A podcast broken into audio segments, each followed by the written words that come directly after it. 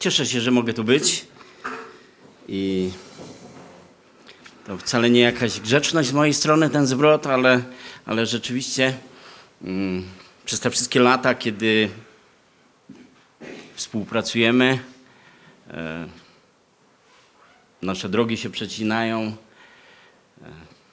wasi ludzie spędzają też czas w Ruptawie. To przez ten czas nawiązały się relacje, przyjaźnie. E, I one nie są bez znaczenia w kościele, one są ważne w kościele. Ważne, żeby nam było po drodze razem. Ważne, żebyśmy pomagali sobie wzajemnie. Czy to przez słowo zwiastowane, czy to na wiele innych sposobów. E, przyjmijcie też pozdrowienia z naszego zboru. Wierzę, że, że Pan Bóg i nam tutaj, i tym, którzy są w Ruptawie, przygotował dzisiaj dobry i błogosławiony czas. Tytuł tego kazania to e, Niechęć i upodobanie.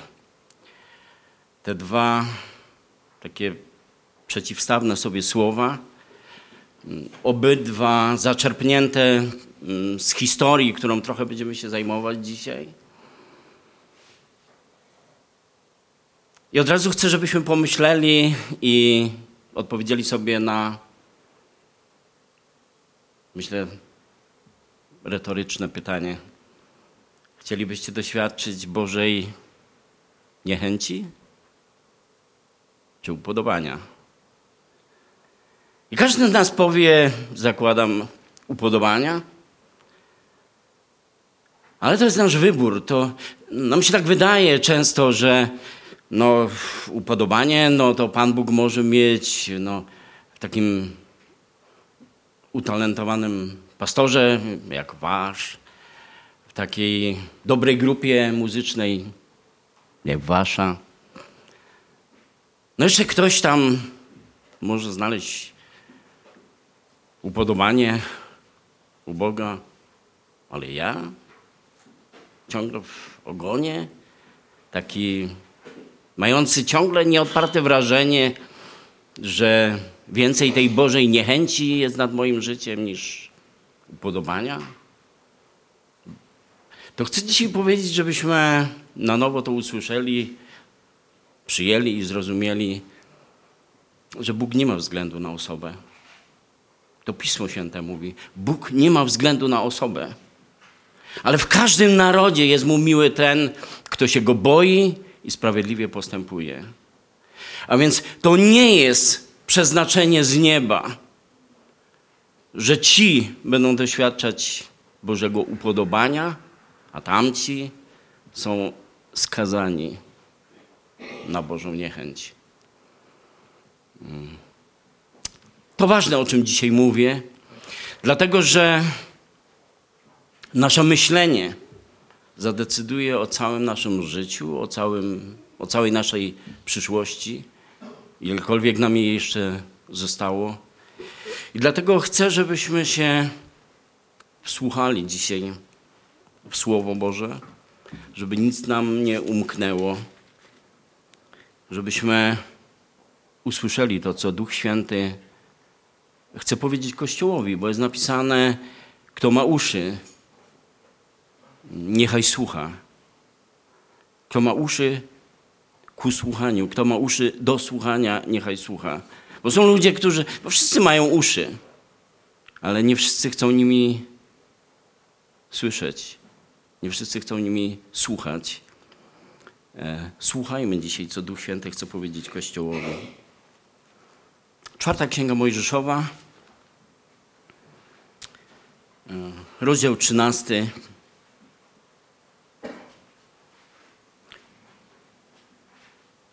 Czytam pierwsze trzy wiersze, a później od siedemnastego. I przemówił Pan do Mojżesza tymi słowy: Wypraw mężów, aby poszli na zwiady do ziemi kananejskiej, którą daję synom izraelskim.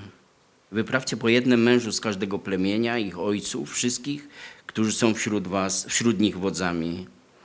Mojżesz wyprawił ich z pustyni Paran zgodnie z rozkazem Pana. Wszyscy ci mężowie byli naczelnikami wśród synów izraelskich. I wyprawił ich Mojżesz, aby poszli na zwiady do ziemi kananejskiej i rzekł do nich, idźcie przez Negeb, a potem wejdźcie na góry i zobaczcie, jaka jest ta ziemia. I czy lud, który ją zamieszkuje, jest silny czy słaby? Czy jest nieliczny czy liczny? Jaka jest ziemia, którą on zamieszkuje? Czy dobra, czy zła? Jakie są miasta, w których mieszka? Czy to obozowiska, czy warownie? Jaka jest gleba, czy urodzajna, czy jałowa? Czy są na niej drzewa, czy nie ma? Bądźcie odważni.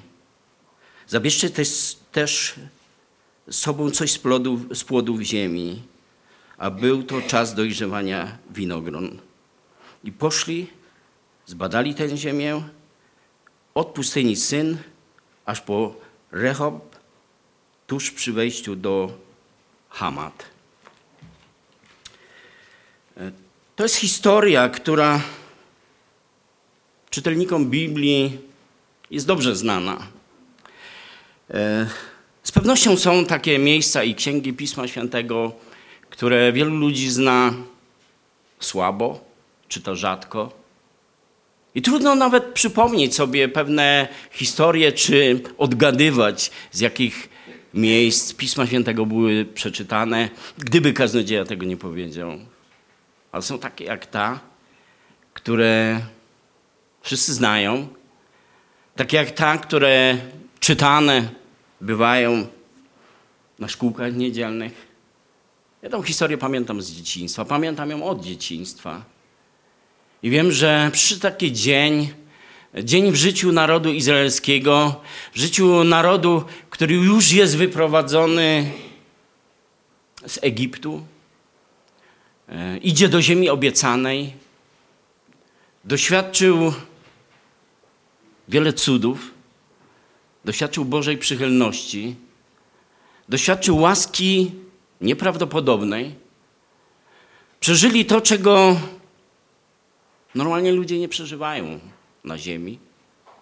Jeszcze będąc w Egipcie, widzieli rzeczy, które Pan Bóg przez, przez Mojżesza robił e, nad Egipcjanami, które nie działy się ani wcześniej, ani później.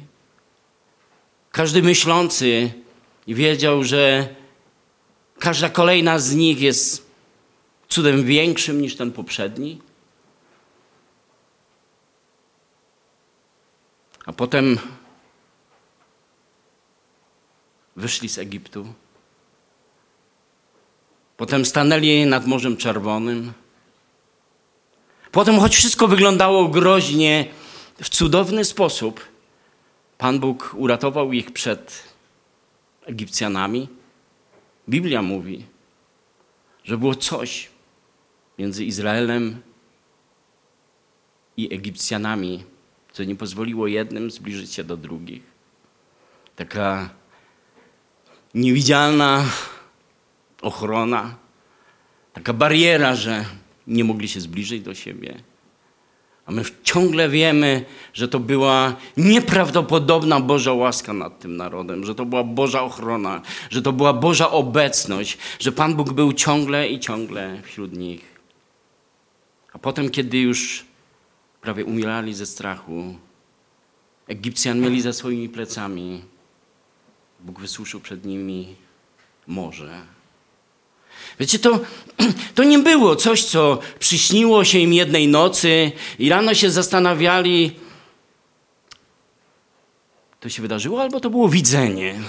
Oni wiedzieli, że e, wierzący ludzie w tamtych czasach czasami mieli widzenia. A może to było widzenie, może, może to było coś takiego, przez co Pan Bóg chciał obrazowo przemówić do nas, no ale przecież to nie mogło być prawdziwe, bo takie rzeczy się nie zdarzają. Ale oni wiedzieli, że to było prawdziwe. Powiem więcej.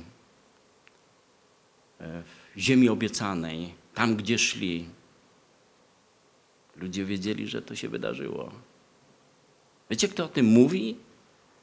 Mówi o tym nierządnica Rahab. Już wtedy, jak Bóg wysuszył morze przed wami, to nasze serce struchlało. Ludzie w ziemi obiecanej boją się was. To nie było coś, co wydarzyło się gdzieś ukradkiem i nie wiedzieli, czy się to wydarzyło, czy to było widzenie. Oni wiedzieli, że to się stało. Oni wiedzieli, że przeszli przez to morze. Oni wiedzieli, że Bóg ich prowadzi. Oni wiedzieli, że przepiórki nie były jakimś dziwnym zbiegiem okoliczności, że to nagle, nie wiadomo jak, nie wiadomo skąd, zeszło się tylu myśliwych na polowanie i byli blisko tego miejsca, gdzie Izrael przechodził i wszyscy strzelili w tą samą stronę i właśnie tego dnia ileś przepiórek spadło nad obozem. Nie, oni tego doświadczali. Oni doświadczyli manny i manna z nimi, z nimi była tak długo, jak długo szli, aż mieli coś w zastępstwie manny. Wiedzieli, że to nie była zjawa. Oni jedli to codziennie. Oni wiedzieli, że więcej mogą zebrać tylko przed sabatem. Doświadczyli wielu rzeczy.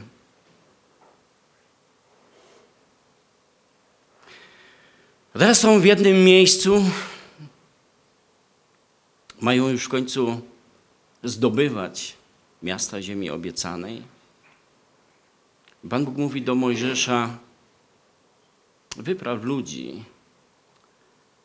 Niech tam idą, niech zobaczą, jaka to ziemia, czy tam są drzewa, czy ziemia jest urodzajna. E, I jeszcze kilka pytań. Ja się pytam, czego z tych rzeczy Pan Bóg nie wiedział, że ich tam posłał? O czym zapomniał? Może już był w ziemi obiecanej tak dawno, wtedy kiedy Abrahamowi to obiecywał, że już zapomniał, czy tam są warownie, czy obozowiska, jakie tam są owoce w tej ziemi. Czy Pan Bóg chciał sobie przypomnieć, czy ziemia obiecana to na pewno ziemia obiecana, że, że ich tam posyła i każe im to sprawdzać? Pan Bóg kiedyś powiedział do Izraela tak –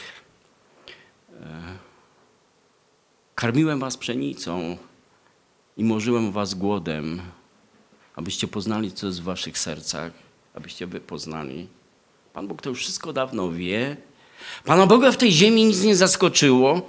To On wiele razy im powiedział, że prowadzi ich do ziemi opływającej mlekiem i miodem. Pan Bóg wiedział, że tak jest i wiedział, gdzie ich prowadzi i wiedział, co robi. Natomiast ci ludzie po drodze, po drodze mieli się uczyć i po drodze też miało się okazać, kim jesteś ty, a kim jestem ja. Pan Bóg nas prowadzi, żebyśmy poznali samych siebie. Pan Bóg nas prowadzi, żebyśmy poznali swoje myśli, żebyśmy zobaczyli swoją wiarę albo niewiarę żebyśmy się nauczyli właściwej perspektywy, żebyśmy się nauczyli, od czego zależy nasze życie, i żebyśmy doszli do zwycięskiego końca, bo o tym tu przecież mowa. O to tak naprawdę chodzi, żebyśmy doszli do zwycięskiego końca. Wiecie, tych, którzy zaczynają, jest zawsze wielu, ale tych, którzy dochodzą do końca, wcale nie tak dużo. I Pan Bóg dzisiaj do nas mówi, żebyśmy się kolejnej rzeczy nauczyli, która pomoże nam dojść do zwycięskiego końca. W jednym miejscu Pan Bóg mówi, abyśmy złych rzeczy nie pożądali, jak tamci pożądali. Wiele rzeczy dziwnych i trudnych i niebożych stało się na tej drodze. Ale nie wszyscy w tych złych mieli udział. I na naszej drodze dzieje się wiele rzeczy złych, złych trudnych i niebiblijnych. W kościołach głosi się rzeczy, które nie są prawdą. A Pan Bóg do nas mówi, żebyśmy mogli wybrać, żebyśmy widzieli. Ciągle na nowo pokazuje nam te dwie drogi, szeroką i wąską. Mówi: e, Kładę przed Wami dzisiaj życie i śmierć, dobro i zło błogosławieństwo albo przekleństwo, ale ciągle Bóg kieruje do nas słowa: wybierz życie, abyś żył. I my dzisiaj po tym kazaniu chcemy na nowo, świadomie wybrać życie, abyśmy żyli. Ale musimy wiedzieć, na czym to polega. Musimy wiedzieć, że nie wystarczy dobrze zacząć. E, musimy wiedzieć, że nie wystarczy być w dobrym zborze. Ja się pytam ci, tych dwunastu, którzy zostali wysłani, oni byli z dobrego zboru czy złego? Oni byli gdzieś tam z tyłu, z loży szyderców? Czy to byli ci z samego przodu? Zwróciliśmy uwagę, kogo Mojżesz wysyła? Czy zauważyliśmy już, że to naczelnicy, że to elita, że to śmietanka, że to nie ktoś ostatni, że to nie przez przypadek, że to nie przez los ci ludzie zostali wyznaczeni? Ale Bóg mówi do Mojżesza: wy, wyślij, wybierz naczelników, wybierz ludzi, którzy stoją na czele, ludzi, którzy pozornie są myślący, ludzi, e, na których możesz polegać. I wybrali po jednym z każdego plemienia. I ten rozdział, gdybyśmy cały przeczytali, oni tam są z imienia wymienieni. Wiedzielibyśmy dokładnie o kogo chodzi. I my, będąc w kościele, musimy pamiętać o tym, że jesteśmy z imienia wymienieni, że nie jesteśmy kimś incognito, że Bóg patrzy na ciebie jako na indywidualną osobę, że Bóg cię zna, widzi i słyszy i chce, żebyś dołączył do tych, u których znajdzie upodobanie. Będą tacy którzy doznają Bożej niechęci. I ta dzisiejsza historia o tym mówi i na tą listę proszę dzisiaj nie wpisujcie się po tym kazaniu. Idzie dwunastu. To są naczelnicy. To nie są przypadkowi ludzie. E, posyła ich Mojżesz. Posyła ich z woli Boga, wyznacza im trasę, po której mają iść, wyznacza im zadanie, powiedział im o wszystkim, co jest ważne w tej misji, którą mają do spełnienia. Mają wyznaczony czas. Nie mają nad sobą bata, że muszą strasznie się śpieszyć. Mieli mieć oczy otwarte, uszy otwarte i ręce przygotowane do tego, żeby przynieść płody tej ziemi. Żeby Izraelici, zanim tam wejdą, mogli zrozumieć i zobaczyć, w tym przypadku bardziej zobaczyć, że słowa opływające mlekiem i miodem nie są żadną przenośnią. Nie są wyolbrzymione, nie są ludzkim wymysłem, ale są prawdą. I wyobrażam sobie tych dwóch mężczyzn, którzy na drążku niosą jedną kiść winogrona. Kochani, to co uderzyło mnie w tej historii, kiedy czytałem ją mm, w ostatnim czasie, a potem drugi, i trzeci, i czwarty. Że nie było tam nic przypadkowego, że Mojżesz nie popełnił błędu, że Pan Bóg w tym, co robił, się nie pomylił, że cele wyznaczone to były dobre cele. Zadanie, które mieli wykonać, to było dobre zadanie. A jednak coś się wydarzyło. Kochani, nam się wydaje, że jeżeli jesteśmy w dobrym zborze, takim jak ten, to to już jest gwarancja do tego, że jestem w dobrym miejscu, że dojdę do celu, że wszystko jest ok.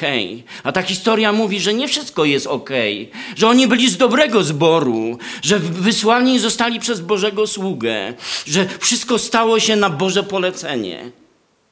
Oni idą, są wierni tej misji Idą dokładnie tak, jak Mojżesz roz, rozkazał. Idą we właściwym kierunku, do miejscowości we właściwej kolejności. Oni zabrali ze sobą owoce tej ziemi i wszyscy bezpiecznie wrócili. I chwała Panu Jezusowi i moglibyśmy, czy chciałoby nam się dodać, a teraz żyli długo i szczęśliwie. No ale właśnie ta historia nas tego nie uczy. Ta historia nas uczy tego, że możesz być w dobrym zborze, że możesz iść w dobrym kierunku, że możesz nawet być posłuszny dobrym poleceniom, ale niekoniecznie znaleźć upodobanie u Boga. Ale to jak? To nie wystarczy? To nie wystarczy być naczelnikiem? To nie wystarczy być posłusznym Mojżeszowi? To nie wystarczy być w woli Bożej? Przecież oni byli w woli Bożej. Nam się czasami wydaje, że jak już jesteśmy w woli Bożej, to wszystko musi się stać, wszystko musi się dobrze zakończyć, że to jest tylko kwestia czasu, kiedy dojdziemy do zwycięskiego końca. Wiecie, czego uczy nas ta historia? Że ci ludzie niekoniecznie mieli właściwą perspektywę, że ci ludzie nie nauczyli się patrzeć na rzeczy tak, jak należy się patrzeć. Oni wracają z, tego, z tej swojej wyprawy misyjnej, dzisiaj byśmy powiedzieli. W jakim sensie są podekscytowani, w jakim sensie cieszą się, że wrócili, bo tam czyhało wiele niebezpieczeństw na nich. Kiedy wrócili, to co powiedzieli, zabrzmiało tak dobrze, tak po chrześcijańsku, tak właściwie, że tylko się cieszyć. I to zdanie pierwsze brzmiało tak. Rzeczywiście. To, co zobaczyliśmy, to było wow. Tego nasze oczy jeszcze nie oglądały. A taki winogron niech będzie dowodem tego, co zobaczyliśmy. To rzeczywiście jest ziemia opływająca mlekiem i miodem. Bracia i siostry, jak mówimy o niebie, to co mówimy? No mówimy, Pan Jezus poszedł przygotować dla nas miejsce. Miejsce w krainie opływającej mlekiem i miodem. Biblia mówi, że to, czego oko nie widziało, ucho nie słyszało, nawet na rozum ludzki nie wstąpiło. To Bóg przygotował dla tych, którzy Go miłują. I tam idziemy. I to rzeczywiście, kiedy mówimy o niebie, mówimy to rzeczywiście jest kraina opływająca mlekiem i miodem. To jest niebo, to jest nasz przyszły dom. Ale jesteśmy tu i teraz. Ale no, życie nas nie rozpieszcza. A jeżeli kiedyś nas nie rozpieszczało, to teraz już nas w ogóle nie rozpieszcza. Jesteśmy tylko ludźmi, żyjemy tu i teraz. Musimy żyć, pracować, zarabiać, jeść, karmić, prać, sprzątać.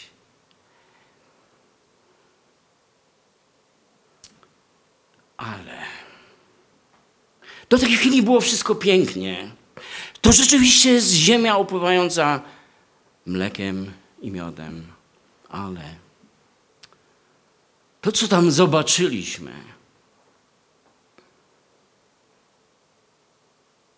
e, nie napawa nas optymizmem.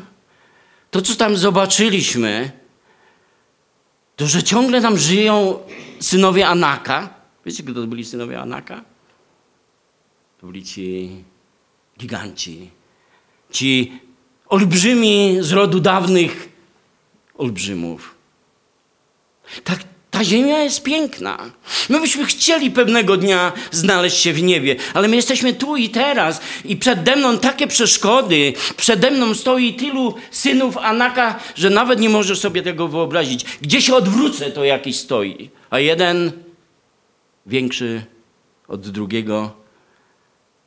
Jak to Jeden wczoraj mój rozmówca powiedział, wszyscy tacy jakby mieli po dwa telewizory pod pachą, tacy synowie Anaka. I diabeł chce, żebyśmy widzieli synów Anaka zawsze i wszędzie, żebyśmy widzieli tych olbrzymów, którzy stoją na naszej drodze do ziemi obiecanej. I tu autor nie opisuje tego dokładnie, ale po tym, co ci ludzie powiedzieli, w 30 wierszu 13 rozdziału pisze, czytamy tak. Kaleb uspokajał lud wzburzony na Mojżesza. Nie wiem, ile jakich zdań powiedzieli, ale ten lud był wzburzony. Oni się zagotowali. Oni byli tak przerażeni perspektywą tego, że mają iść tam dalej, że zaczęli wykrzykiwać. Mówili, czy nie było grobów w Egipcie? A za mało miejsca było na tej pustyni, żebyśmy tu pomarli? Obierz nam wodza. Jeżeli ty nas nie poprowadzisz, to ktoś inny nas poprowadzi. Ale proszę, prowadź nas z powrotem do Egiptu. Lepiej, żebyśmy na tej pustyni pomarli. Wiecie, to są straszne słowa, ale nie chcę, żebyśmy tylko dzisiaj myśleli, że to ci ludzie sprzed tysięcy lat tak powiedzieli. To dzisiaj ludzie w kościele czasami myślą podobnie. Musimy być bardzo ostrożni w tym, jak myślimy, co myślimy, a jeszcze bardziej w tym, co mówimy. I szemrali wszyscy synowie izraelscy przeciwko Mojżeszowi i Aaronowi i mówił cały zbór do nich, obyśmy byli pomarli w Egipcie, albo na tej pustyni, obyśmy pomarli. A potem mogli powiedzieć, o, to, to były tylko słowa, nie? Przecież człowiek mieli ozorem każdego dnia tysiąc razy. To były tylko słowa. Gdzie musimy odzwyczaić się od myślenia w ten sposób, że to były tylko słowa. Nigdy nie ma czegoś takiego, jak to były tylko słowa. Czasami ludzie się kłócą, mąż z żoną, żona z mężem, dzieci z rodzicami i vice versa, i sąsiadami, i w pracy, i ktokolwiek. I wtedy, kiedy jesteśmy w tych złych emocjach, tak łatwo powiedzieć najstraszniejsze słowa, jakie ślina przyniesie na język, a potem powiedzieć, no chyba, chyba nie myśli, że tak myślałem. To były tylko słowa. Jak ktoś przez lata przeżywa, przez lata jest zraniony, umiera powoli, a ten, co to powiedział, mówi, to były tylko słowa. Pokażę wam, jakie to były tylko słowa. To, co przeczytałem, to był 14 rozdział, drugi wiersz. Popatrzcie na 29 wiersz tego samego rozdziału. Na tej pustyni legną wasze trupy i wszyscy zapisani wśród was w pełnej liczbie od 20 roku życia wzwyż. Wy, którzy szemraliście przeciwko mnie. Oni powiedzieli, obyśmy pomarli na tej pustyni. Co Pan Bóg mówi krótko później? Pomrzecie na tej pustyni. Jest taka historia, nawet nie wiem, czy kiedyś nie wspominałem tutaj o tym, Jakub starotestamentowy odrabiał u teścia swoją żonę. Potem się okazało, że Laban go oszukał, pracował tam kolejne 7 lat. A potem sobie myśli, no już nie jestem mało lat. Muszę zacząć troszczyć się o swoje. 14 lat służyłem Labanowi. Wiecie, 14 lat to sporo czasu. I, i y, Jakub przygotował swoją rodzinę do tego, że ucieknął od Labana. Nie chciał swojemu teściowi o tym powiedzieć, bo wiedział, jaka będzie reakcja. Może obawiał się tego, że, że Laban go przekona, bo Jakub miał miękkie serce. I w końcu poszli. Kiedy Laban zor- zorientował się, że Jakub ze swoją rodziną uciekli od niego, zaczął go ścigać. Ale potem, kiedy się spotkali, porozmawiali, powyjaśniali sobie jakieś rzeczy, i Laban mówi: Okej, już to wszystko zostawmy to, niech Pan Bóg Cię błogosławi. Idźcie swoją drogą. Ale czemu ukradliście no, te moje bożki domowe? Jakub mówi: Jakie bożki? O co ci chodzi? Nic ci nie ukradliśmy. Wszystko, co mamy, to rzeczy, na które ciężko pracowaliśmy. A Bóg obficie błogosławił. I dlatego jest tego tak wiele. Ale jeżeli ktoś ci to ukradł, to niech umrze.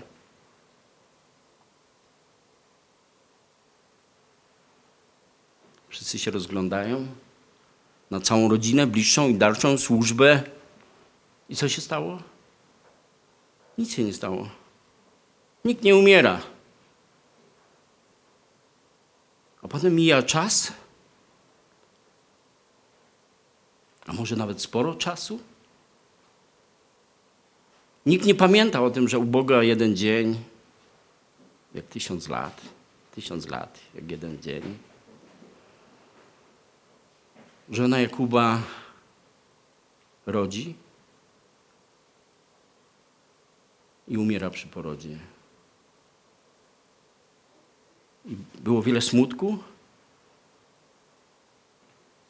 ale w tym ostatecznym rozrachunku nikogo to tak strasznie nie dziwi. Przepraszam za to sformułowanie. Nie ona pierwsza i nie ostatnia. Takie rzeczy się zdarzały wtedy, kiedy nie było medycyny w takim wymiarze jak dzisiaj, ale te rzeczy i dzisiaj się zdarzają. Jak myślicie? Czy ktoś tą śmierć połączył z tym, co wtedy powiedział Jakub? Minęło sporo czasu. Jakub powiedział: Ten, kto ukradł, niech umrze. A po długim czasie umiera jego żona. Ale tych, tych faktów nikt nie łączy. Zobaczcie, my musimy się nauczyć łączyć fakty. My musimy się nauczyć mieć oczy otwarte. My musimy się nauczyć myśleć. My musimy się nauczyć czytać Biblię. Żebyśmy się nie ocknęli na starość i powiedzieli: Wielu tak mówi. Zmarnowałem swoje życie. Gdybym dzisiaj żył, robiłbym wszystko inaczej. Kiedyś mój ro- rozmówca mówi, żeby się tak chociaż 10 lat wróciło. Ja mówię, ale co ty opowiadasz?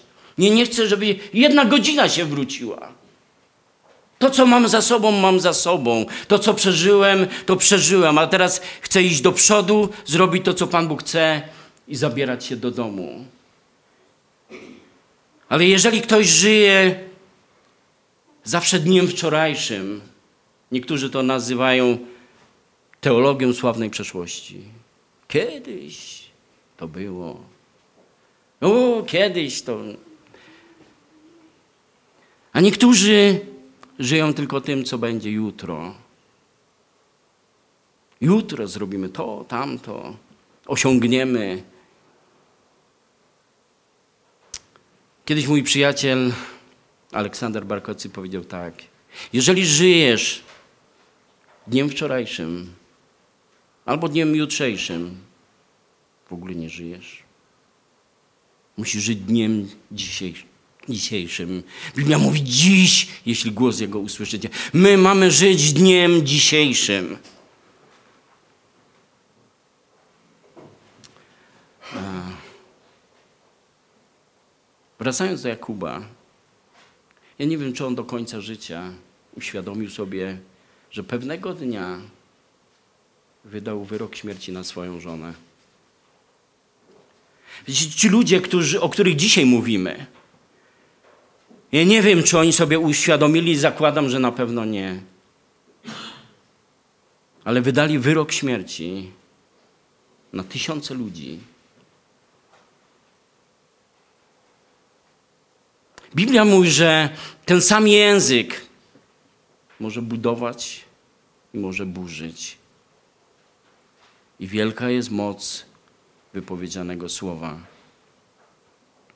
Wiecie, ci ludzie, którzy byli wysłani do, na te zwiady, o, który, o czym czytamy dzisiaj, było wśród nich dwóch. Już czytaliśmy o tym, że Kaleb powstrzymuje ten rozwścieczony naród.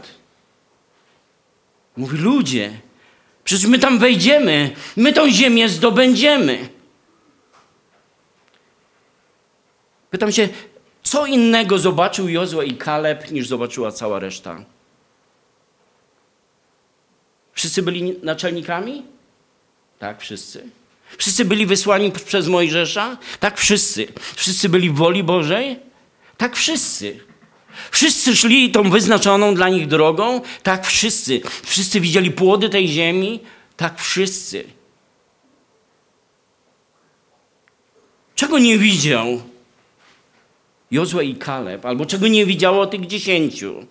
Że tak różna była ich postawa. Wiecie, kiedy tych dziesięciu poszło na zwiady, zobaczyli ludzi w tamtej krainie, to jak wspomniałem wcześniej, zobaczyli synów Anaka, patrzą na siebie, patrzą na nich i to stwierdzenie, które jest w Piśmie Świętym zapisane, brzmi i wydawaliśmy się w ich oczach jak szarańcza, i też w odwrotną stronę było dokładnie tak samo. Oni nas tak widzieli i myśmy to tak postrzegali. A co zobaczył Jozo i Kaleb? Patrzą na synów Anaka, patrzą na Jezusa, który jest sprawcą i dokończycielem wiary. Mówi, jakie to krasnoludki przy Jezusie. Karzełki takie małe. No przecież wejdziemy. Kaleb mówi, wejdziemy i zdobędziemy. To jest tylko kwestia czasu. Tylko musimy iść. Bo oni przy naszym Zbawicielu, no to jak, jak pył wyglądają, jak takie nic. Wiecie, dlaczego są problemy w naszym życiu? Bo mamy złą perspektywę. Patrzymy nie tam, gdzie należy. Wiecie, jeżeli ktoś słucha tylko publicznej te e, telewizji, to myśli, że ludzie umierają na każdym skrzyżowaniu, a trupy ścielą się gęsto. Nie możemy słuchać tylko tego, co mówi ten świat. Tak, ja też słucham tego, co mówi ten świat, Chcę mieć oczy i uszy otwarte. Nie chcę powtarzać bzdur, które opowiada druga strona, że nie ma nigdzie totalnie niczego. Mamy mieć oczy i uszy otwarte, ale my musimy mieć perspektywę. Jeżeli to, co patrzysz, to są synowie Anaka i to są tacy olbrzymowie, czy olbrzymi, czy, czy giganci, że, że nawet nie wiesz, jak z samego patrzenia truchlejesz, bo porównujesz siebie z nim i wiesz, że nie masz żadnych szans. A Biblia mówi, większy jest ten, który jest w nas, niż ten, który jest w świecie. Biblia mówi, patrząc na Jezusa, sprawcę i dokończyciela wiary, Biblia mówi, że mamy oczy podnosić do góry, bo stamtąd przychodzi pomoc. I teraz Jozue i Kaleb patrzą na synów, patrzą na synów Anaka w dół i patrzą na Jezusa do góry i mówią, nie ma żadnego problemu. I ci sami naczelnicy przeszli razem tysiące kilometrów, spędzili razem tyle czasu. ale myślą inaczej, bo mają inną perspektywę. Kochani, musimy nauczyć się myśleć inaczej. Musimy myśleć, jak Bóg myśli. Musimy myśleć o celach, które Bóg nas wyznacza. I oni wychodząc z Egiptu od początku, od pierwszego dnia, wiecie co wiedzieli? Że idą do ziemi obiecanej, że idą do ziemi, która opływa mlekiem i miodem. Jozue i Kaleb ciągle to pamiętają. Oni mają cel wytyczony i oni do tego celu zmierzają. Nie straszne im Morze Czerwone, nie straszny im Jordan, nie straszni synowie Anaka, i nie straszne żadne inne przeciwności, które tam się znajdą, gdyby nawet o nich nie wiedzieli. Całą drogę śpiewają, to nasz Bóg jest większy, nasz Bóg silniejszy, nie ma mu równego. Jeżeli to będziesz śpiewał, i miał cel przed oczami, to tam dojdziesz. Wiecie, jest taka pieśń w śpiewniku pielgrzyma, tak jak lubię ten śpiewnik, tak nie zgadzam się z tą pieśnią. I ona mówi, prowadzimy tu życie tułacze. Zakładam, że to nie autor źle napisał, ale że to ktoś źle przetłumaczył. Bo w tej wersji to jest największa herezja, jaką wierzący człowiek może usłyszeć albo powiedzieć. Biblia mówi, że jesteśmy pielgrzymami. Nigdy nie jestem, nie byłem, nie chcę być i nie będę tułaczem. Tułacz to jest człowiek, który często wygląda tak samo jak pielgrzym. Tułacz to jest człowiek, który często jak pielgrzym jest głodny, zmęczony, brakuje mu wody, ma czasami podarte ubranie, ale różnica jest kolosalna. Różnica jest diametralna. Różnica jest niewyobrażalna. Pielgrzym ma cel. Wiecie, co rujnuje nasze kościoły dzisiaj? To, że żyjemy bez celu. Nam się wydaje, że celem jest kolejne nabożeństwo, że celem jest kolejne kazanie, że celem jest kolejne, są kolejne odśpiewane pieśni. Nie, one nie są celem w naszym życiu. Tak, one są środkiem do celu. One są narzędziem, one są Bożym narzędziem, ale cel jest wytyczony, pokazany nam i tym celem jest dom w górze, nagroda w górze, miejsce w domu Ojca. I do tego celu, jeżeli ten cel mamy przed oczyma, to do niego dojdziemy. Wiecie, ubolewam, ubolewam w swoim sercu, że kiedy prawie 30 lat temu zostałem pastorem, żebyśmy w naszym kościele nie podjęli takiej decyzji jako wszystkie zbory, że każdy zbór kościoła ewangelicznych chrześcijan ma założyć chociaż jeden kolejny zbór kościoła ewangelicznych chrześcijan. I było nas wtedy ponad 30 zborów, byłoby nas dzisiaj ponad 60. A wiecie, ile nas dzisiaj jest? No ponad 30. A wiecie dlaczego? Bo niewiele zborów sobie wtedy taki cel wytyczyło. Naszym celem było kolejne nabożeństwo. Naszym celem było odśpiewanie kolejnych pieśni, przygotowanie kolejnych pieśni. To są dobre rzeczy. Wiecie, ci posłańcy, którzy poszli do, na, na te zwiady, oni robili wiele dobrych rzeczy. Oni z, z, jako ludzie byli naczelnikami. To byli ważni w Izraelu ludzi, ludzie. To byli znaczący ludzie. Oni też przez Mojżesza byli posłani ale gdzieś zgubili cel. Oni zapomnieli, że ich, ich celem nie jest Egipt, że Bóg nigdy na to się nie zgodzi. Dlatego, że wiarygodny i prawdomówny Bóg powiedział: I zaprowadzę was. A jeżeli Bóg mówi: Zaprowadzę was, to zaprowadzi. I ci, którzy wyrzekli przekleństwo nad swoim życiem, obyśmy byli umarli na tej pustyni. Umarli na tej pustyni. Bracia i siostry, nie wypowiadajmy przekleństw nad swoim życiem. Wypowiadajmy słowa wiary nad swoim życiem. Jeżeli Bóg zechce, a Bóg zechce. A jeżeli coś jest niemożliwe, ja ostatnio miałem przy sobie świadectwo Aliny, mam je ciągle przy sobie. To jest małżeństwo, które przez 9 lat nie mogło mieć dzieci. Ta historia jest tu opisana. Mogli powiedzieć, cóż, tak bywa w życiu. Nie wszyscy mogą mieć dzieci. I mogli sobie tak żyć. Ale oni chcieli mieć dzieci. Wiecie, oni nie patrzyli na to, na co patrzy ten świat. Oni nie słuchali tego, co mówi medycyna. Oni nie słuchali tego, co mówi genetyka. Nie, żeby w to nie wierzyli. Nie, żeby nie wiedzieli, że lekarze mają wiedzę, że genetycy mają wiedzę. Ale wiedzieli jedną rzecz.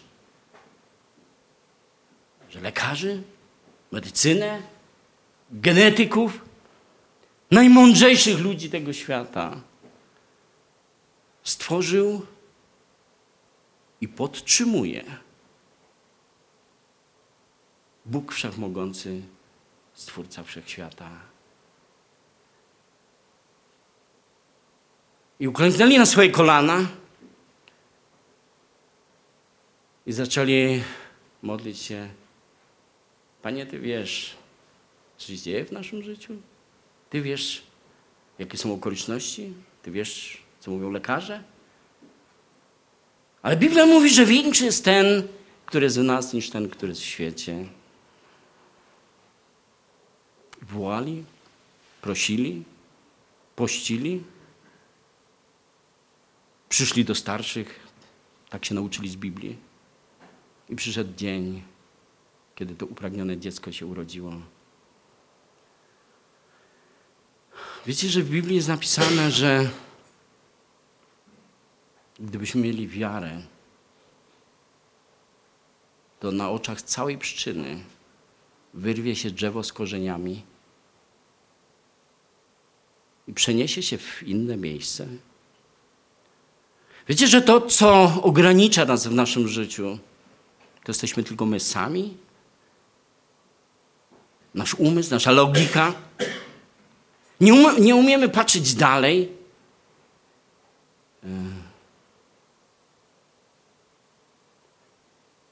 Przyszedł taki czas w dziejach ludzkości, e, może to było tak zawsze, ludzie patrzyli na ptaki i mówili, fajnie by było tak polecieć.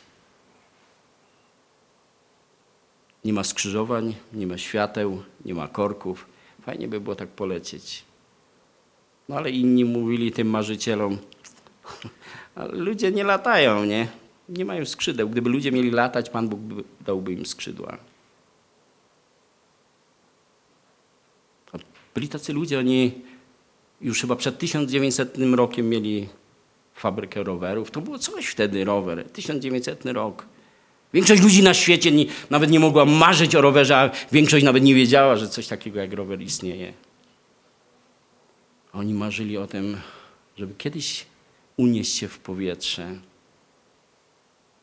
A inni mówili, ale przecież ludzie nie latają. Ludzie nie mają skrzydeł. Gdyby Pan Bóg chciał, żeby ludzie latali, to dałby im skrzydła. Ci ludzie powiedzieli, to przyprawmy im skrzydła. I za ich życia zaczęli latać. Ale przebili się przez pewną niemożność pozorną, przez pewne ograniczenia. Wiecie, nasze ciasne myślenie, nasz brak wizji i celu. My jako chrześcijanie musimy nauczyć się tego. Nie jesteśmy tułaczami, nie możemy być tułaczami. Tułacz nigdzie nie idzie. Tułacz po prostu robi kilometry, ale nie ma w tym żadnego celu. A my musimy mieć swój cel jako wierzący ludzie. Zmierzam do celu jest napisane w Biblii. Ludzie w tym świecie nauczyli się wytyczać sobie cele. Ja pamiętam, ile razy ludzie mówili, no nauka, jeżeli chodzi o wielkość pamięci i te rzeczy, to już doszła do granic możliwości, już więcej się nie da. No dzisiaj już wszyscy wiedzą, że to są bzdury. Ciągle się da.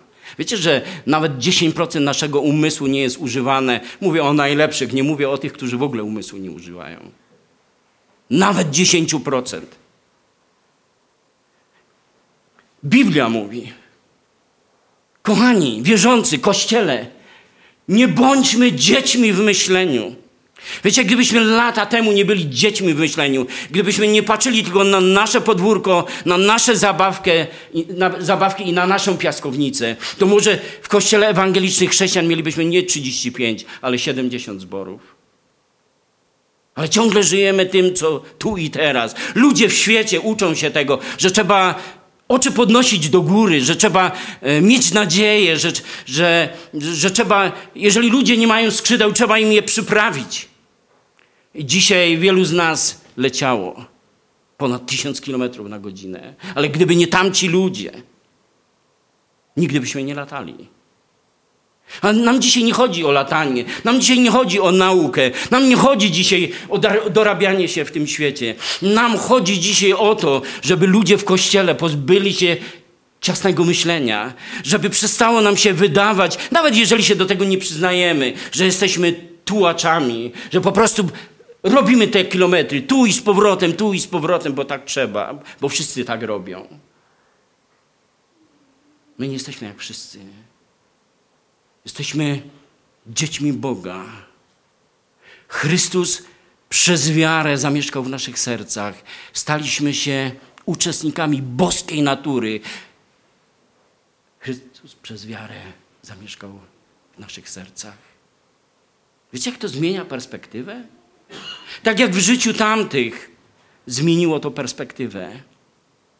Oni patrzyli na synów Anaka i patrzą na swojego Boga Jahwe. Mówią, przecież tu w ogóle nie ma o czym mówić.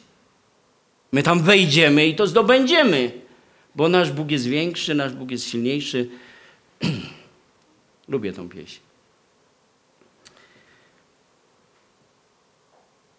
Wiecie, jaka jest tragedia tych dziesięciu?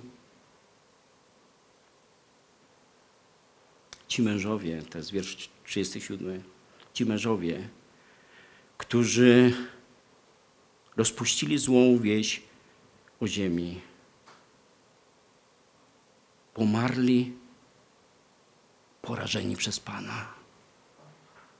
Może to nie było tak, jak e, wtedy, kiedy rozwarła się zie- ziemia i na oczach wszystkich pochłonęła buntowników. Może to było znowu tak samo, że minął jakiś czas, ludzie nawet nie wiedzieli, ktoś mógł pomyśleć, że to zbieg okoliczności, ale ci ludzie ponieśli śmierć. Kochani, albo będziemy myśleć jak Jozue i Kaleb, i wtedy wejdziemy do ziemi obiecanej, albo będziemy widzieć przeciwności synów Anaka, wielkie grody, mury potężne, miasta nie do zdobycia. Wszystko zależy od perspektywy. Z jakiej perspektywy ty patrzysz na świat? Jeżeli chcesz, żeby Bóg znalazł sobie w tobie swoje upodobanie, musisz myśleć jak Jozue i Kaleb. A o tej reszcie jest napisane w 34 wierszu i doznacie mojej niechęci. I tego byśmy bardzo, bardzo nie chcieli. I tego, tego naprawdę nikomu nie życzę. Ale tak się w ich życiu stało. A wybór należy do ciebie. Bo Bóg nie ma względu na osobę. Bóg nie wybiera człowieka, żeby sobie go upodobać tylko dlatego, że się Chyłka nazywa, albo jakoś się tam Kowalski nazywa.